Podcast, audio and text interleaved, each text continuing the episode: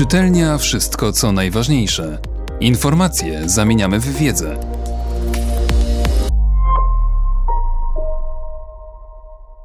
Maria Przełomiec. Trole, agenci wpływu i pożyteczni idioci. Rosyjska wojna informacyjna przeciwko Zachodowi jest faktem. Jej początki sięgają XVI wieku, kiedy to Iwan IV Groźny zalecił swym dyplomatom, by na zachodnich dworach rozdawali broszurkę udowadniającą, że bitwę pod Orszą w 1514 roku wygrały nie wojska polsko-litewskie, ale Iwan III Srogi. Wtedy chodziło o stworzenie wspólnej antyjagiellońskiej koalicji, która ostatecznie nie doszła do skutku.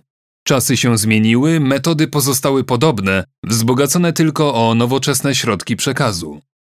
Najbardziej widoczny jej przejaw to propagandowe działania Kremla, które można określić mianem otwartej ofensywy. Jej bronią są telewizja Russia Today, mająca redakcje językowe angielską, francuską, niemiecką, hiszpańską i arabską oraz portal internetowy i rozgłośnia radiowa Sputnik, obecna w kilkudziesięciu krajach świata, w tym w Polsce. Media te propagują oficjalną politykę Kremla i rosyjski obraz świata, często przy pomocy dziennikarzy z krajów, do których skierowany jest przekaz. Trudno powiedzieć, czy rosyjskim władzom zwracają się ogromne nakłady, jakie pochłaniają Russia Today oraz Sputnik, ale przynajmniej w Polsce ich zasięg rażenia wydaje się znikomy.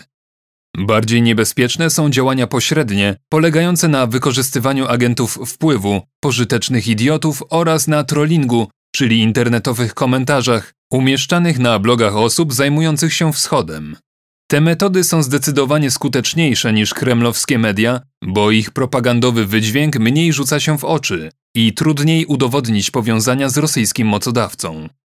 Dobór gości. I tak z rosyjskimi wrzutkami propagandowymi mamy do czynienia w mediach elektronicznych.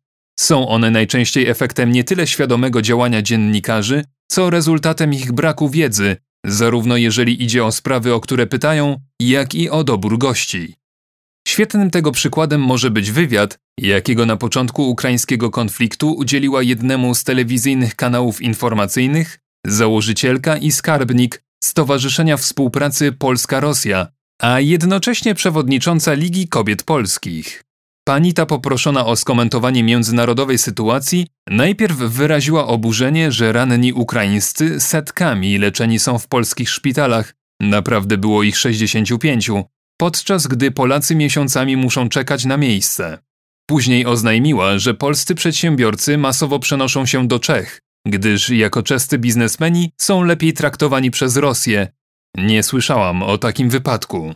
A na koniec zaapelowała, by politycy w Warszawie przestali narażać się Moskwie, bo to się nie opłaca. Prowadząca wywiad dziennikarka nie dość, że nie skorygowała fałszywych informacji, to jeszcze przyłączyła się do apelu. Nie dlatego, że była rosyjskim agentem wpływu, po prostu ani ona, ani nikt z obecnych w studio nie przygotował się do rozmowy. Do podobnych sytuacji dochodzi także w reportażach. W telewizji publicznej widziałam dwa tego typu materiały. Jeden z Ukrainy, drugi z Litwy. Oba z powodu słabej orientacji autora wyglądały jakby były robione na zamówienie Russia Today. Pierwszy ostro krytykował prezydenta Poroszenkę, częściowo słusznie, nie próbując jednak poprosić o wyjaśnienia kogokolwiek ze strony ukraińskiego prezydenta. Drugi, poświęcony sytuacji litewskich Polaków, jednoznacznie całą winą za konflikt obarczał stronę litewską. W jednym i drugim przypadku wyglądało tak, jakby autor dysponujący wyrywkowymi informacjami jechał robić materiał z gotową już tezą, pod którą przygotowywał reportaże, nie starając się poznać racji drugiej strony. Jest to błąd warsztatowy, który w sytuacji wojny propagandowej działa na korzyść strony przeciwnej. Brak kompetencji wielu telewizyjnych dziennikarzy nie jest niczym nowym, ale w obecnym stanie rzeczy takie wpadki nie powinny się zdarzać. Zdecydowanie większą winę niż żurnaliści ponoszą jednak szefowie mediów, zwłaszcza publicznej telewizji. W efekcie widz ma niewielkie szanse na dowiedzenie się, co tak naprawdę dzieje się za wschodnią granicą Polski i o co w tym wszystkim chodzi. Więcej informacji o strategicznie ważnych dla naszego kraju spraw znajdzie w tematycznych, a więc trudniej dostępnych, kanałach stacji komercyjnych, jak choćby TVN24 Biznes i Świat. W warunkach wojny Zdecydowanie lepiej wygląda sytuacja w prasie. Niestety jest to medium o najmniejszym zasięgu. Polacy coraz rzadziej sięgają do gazet, a strony internetowe najczęściej są płatne. A szkoda, gdyż właśnie tam można znaleźć obiektywne i kompetentne wyjaśnienia. Mam na myśli zarówno prasę codzienną, jak i tygodniki, przynajmniej te najbardziej znane, niezależnie od ich opcji. Z jednym dla mnie niezbyt zrozumiałym wyjątkiem tygodnika do rzeczy, w którym często można znaleźć teksty z punktu widzenia wojny informacyjnej kontrowersyjne. Stały felietonista gazety Waldemar Łysiak, pisząc o Ukrainie, często najłagodniej mówiąc, mija się z prawdą. Nie chodzi nawet o przedstawianie naszego sąsiada jako kraju upadłego i bandyckiego, ale o takie rodzynki jak twierdzenia, że wspieranie separatystów przez Rosjan to wymysł kijowskiej propagandy, czy dowodzenie, iż ukraińskie bataliony noszą nazwy współpracujących z Niemcami ukraińskich oddziałów z II wojny. Łysiak świadomym trolem nie jest, ale jego enuncjacje świetnie wpisują się w rosyjską propagandę, tym bardziej, że nie są prostowane. W komentarzach dotyczących Ukrainy do rzeczy drukuje cykliczne artykuły autorstwa pracowników prorosyjskiego portalu kresy.pl. Są to zarówno teksty redaktora naczelnego portalu Tomasza Kwaśnickiego, wzywającego, by Polska sprzedała Rosji swą neutralność w ukraińskim konflikcie, czy Karola Kazimierczaka, dowodzącego, iż Warszawa twardo powinna stawiać warunki Wilnu, wspierając polską mniejszość pod egidą pana Tomaszewskiego, bo Litwa nie ma dla Polski żadnego znaczenia.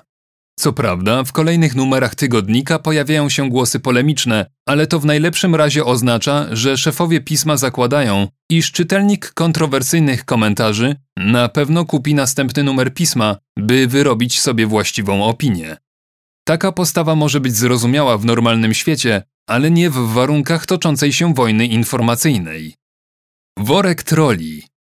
Powiedzmy, że nieusatysfakcjonowany mediami elektronicznymi i prasą człowiek sięga do internetu.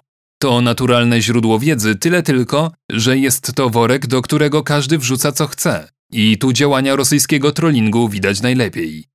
Pierwsza to grupa klasycznych troli, czyli osób zajmujących się hejtowaniem poświęconych polityce wschodniej portali, takich jak Business Alert czy Studio Wschód. Celem ataków tej grupy są także blogi pojedynczych osób zajmujących się polityką wschodnią bądź zaangażowanych w pomoc Ukrainie. Internetowe groźby dostawała poseł Małgorzata Gosiewska czy dziennikarz Dawid Wilczstein. Nie ustają internetowe ataki na blogera Marcina Reja, uznawanego za osobę związaną z grupą zwalczającą w internecie działania środowisk proputinowskich. Cechą charakterystyczną tego typu troli jest ukrywanie się pod cudzym, często obcobrzmiącym, angielskim, rosyjskim czy nawet arabskim nazwiskiem, co niezbyt koresponduje z robionymi poprawną polszczyzną wpisami. Inna sprawa, że nieraz mało cenzuralnymi.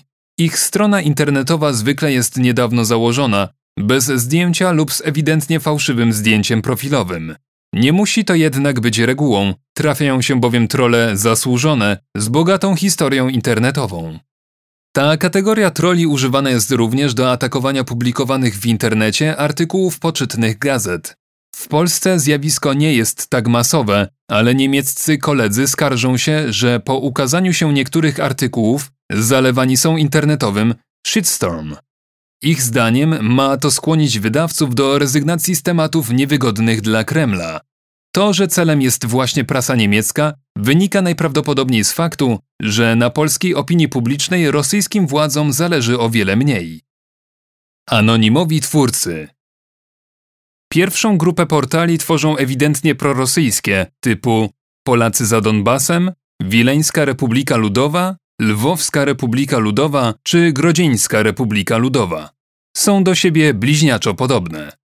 Odwołują się do polskiej przeszłości Kresów, dumy z dawnych zwycięstw, apelują o wprowadzenie na Wileńszczyznę czy do Lwowa polskich wojsk. Ich cechą charakterystyczną jest dwujęzyczność. Prócz polskiej mają rosyjską wersję językową. Twórcy oczywiście pozostają anonimowi. Druga kategoria to portale, których autorzy nie ukrywają nazwisk. One również odwołują się do polskiego patriotyzmu, wzywają do walki o konserwatywne wartości i religię. Stanowczo krytykują banderowską Ukrainę i litewski nacjonalizm. Chwalą broniącego tradycyjnych chrześcijańskich wartości Władimira Putina i wspierają Aleksandra Łukaszenkę. Autorzy artykułów wzywają polskie władze do rozliczenia zbrodni wołyńskiej oraz twardej obrony litewskich Polaków. Ta kategoria jest dosyć pojemna. Można do niej zaliczyć zarówno portale jednoznacznie proklemowskie typu geopolityka.org Mateusza Piskorskiego, konserwatyzm.pl, myślpolska.pl, neon24.pl, portal założony przez biznesmena w przeszłości związanego z wojskowymi służbami informacyjnymi, czy kresy.pl.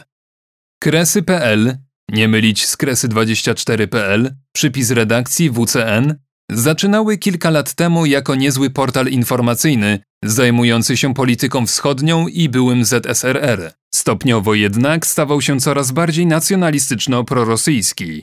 Portal atakuje nie tylko ukraińskie i litewskie władze, ale także choćby szefową telewizji Białsat Agnieszkę Romaszewską-Guzy czy wspomnianego blogera Marcina Reja. Na uwagę zasługuje fakt, że jednym ze sponsorów Kresy.pl jest właściciel browaru Ciechan, poseł na Sejm z ramienia partii Kukiz 15 Marek Jakubiak.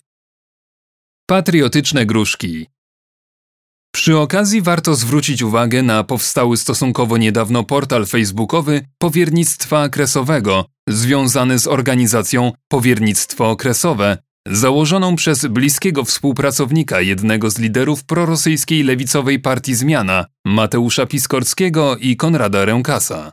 Powiernictwo ma się zajmować sprawą odszkodowań za mienie pozostawione na terytorium Ukrainy po II wojnie. Rękas zapowiada zgłaszanie żądań o zwrot mienia lub rekompensatę za nie w sądach europejskich. Zapewnia, iż w związku z podpisaniem przez Ukrainę umowy stowarzyszeniowej z Unią Europejską, Kijów będzie musiał odszkodowania wypłacić, mimo że jest to kompletna bzdura, bo odszkodowania za mienie zaburzańskie wypłaca polski rząd, sprawę nagłośniły rosyjskie media, budząc zaniepokojenie nie tylko w Ukrainie, ale także Litwie i Białorusi. Facebookowa strona powiernictwa kresowego, podobnie jak cytujące ją rosyjskie media, obiecuje potomkom kresowiaków gruszki na wierzbie. I oczywiście pełna jest narodowo-patriotycznej retoryki. Pewien problem jest także z portalami prawicowymi o bardziej umiarkowanym charakterze.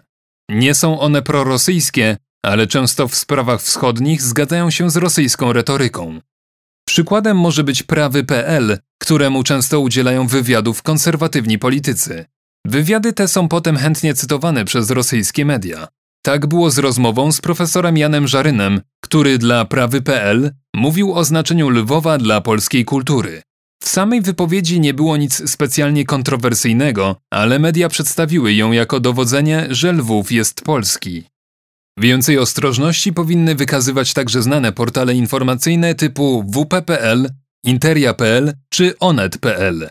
Najpopularniejszym z nich jest należący do niemieckiej spółki Axel Springer Onet. I to właśnie on najczęściej cytuje kontrowersyjne wypowiedzi ludzi działających oficjalnie, ale mających specyficzne poglądy, jak profesor Stanisław Bieleń czy ksiądz Izakowicz-Zaleski. Bieleń w Onecie oskarżał Polaków o rusofobię i po zajęciu Krymu nawoływał do dialogu z Rosją. Z kolei Izakowicz-Zaleski w Onecie twardo krytykuje Ukrainę i żąda, by polskie władze nie miały nic wspólnego z ukraińskim banderowskim rządem. Rosyjska wojna informacyjna trwa i obejmuje zdecydowanie więcej dziedzin. Na razie Zachód nie potrafi się jej skutecznie przeciwstawić, szczególnie na terytoriach byłego ZSRR, a więc także państw wchodzących w skład UE, jak kraje bałtyckie. Jeszcze w 2012 roku, czyli po ponownym dojściu Władimira Putina do władzy, grupa polskich dziennikarzy stworzyła projekt internetowej dwujęzycznej, angielski i rosyjski, telewizji informacyjnej dla Europy Wschodniej. Niestety nie spotkał się on z zainteresowaniem polskich ani europejskich władz. Dziś w zasadzie wszyscy są zgodni, że należałoby stworzyć medium dostarczające na terytorium byłego Związku Sowieckiego niezależne informacje. Rosyjskojęzyczną telewizję stworzyła Estonia. W Unii Europejskiej powoli wykluwa się podobna inicjatywa pod egidą Brytyjczyków. No cóż, lepiej późno niż wcale. Czytelnia Wszystko co najważniejsze. Czytał Mateusz Mleczko.